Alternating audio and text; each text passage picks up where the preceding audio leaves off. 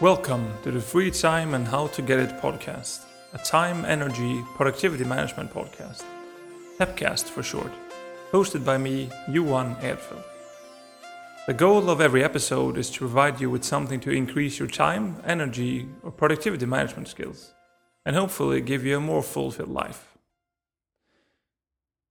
Today's podcast will be about the perfect day, more specifically, your perfect day and how it could look like. What I'm going to talk about here is a time schedule. Yeah, make a schedule. You know the thing you used to have in school, or you still have it if you're currently in school. The funny thing with this schedule is that you're allowed to make it. So the idea here is for you to have think about how your perfect day could and should look like.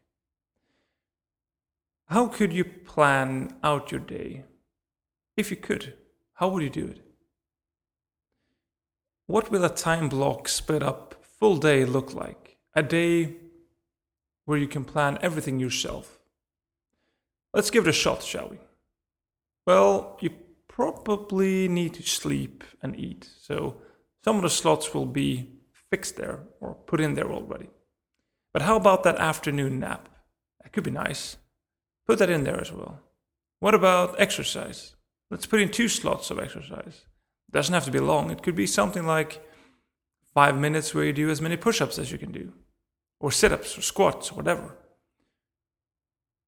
Continue to build your day schedule as a setup of your choosing in order to give you some boundaries during your full day of free time. I found out that when I make a plan, I tend to get much more done than if I didn't have a plan. So for me, the saying, don't plan, just do, works, but it works better with a plan, and then a lot more doing will be done. So, for example, it could look something like this. If you go onto my website, johanedfeld.com slash downloads, I've made some draft schedules for you to look at, just for inspiration. So a day could start, let's say, 6:30. Then you start with breakfast. You make breakfast for you and your family, or just for yourself, and then in the free time you start with a morning workout. It could be a, a morning walk around the block, or a jog, or lifting weights, or something that you would like to do to get the blood flowing. And then you can spend the time of development, just thinking about how you can develop yourself, learning new skills, watching a documentary, or looking something uh, online that could help you increase your logic understanding, or maybe you're interested in physics, or maybe you want to have self improvement. It uh, doesn't matter what you would like to do, you can just do it. It's also important to relax, spend a couple of minutes doing nothing, just contemplating about yourself and your life. And then it's time for a snack. And why not spend some time, 50 minutes, on organizing your home, rearranging that wardrobe, or giving away some clothes to charity? And then spend a good hour and a half on creativity. Maybe you should start on a novel. Maybe you like to write poems or create music or develop an app. Something that spurs your creativity. Then you have lunch and then continue with creativity. In the afternoon, again, you do some organization, rearranging something in your home. Maybe start painting something, improving something in your home. Maybe an old door needs to be refurbished a little bit. Things like that you can start. And then you go for the afternoon nap. Excellent. Go for a snack again.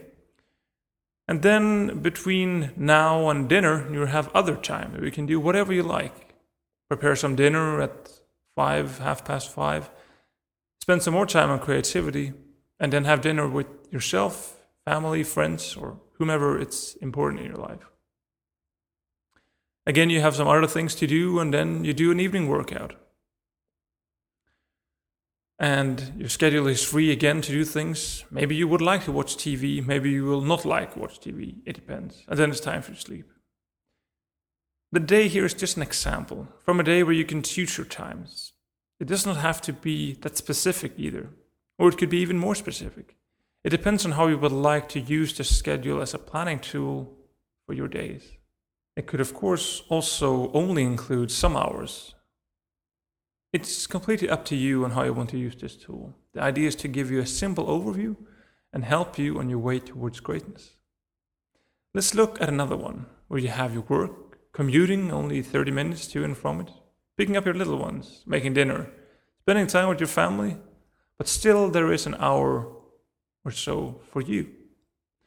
There are many of us that forget ourselves in the whirlwind of everyday life, but it's important not to do that.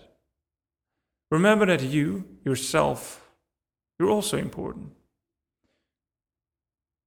If you don't allow yourself to have some time available just for you, you'll soon risk spiraling into low energy, frustration, and you could also risk entering depression. And that can take many different forms. The time you spend on yourself is a very well invested time and something that you will feel useful in many other occasions.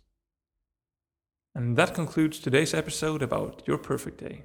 Thank you very much for listening. Send Sending your questions to the freetimepodcast at gmail.com and I'll gather them in a Q&A session once in a while. Be sure to check out all my other projects on johanedfeld.com. Comment on my Facebook page, Freetime Podcast.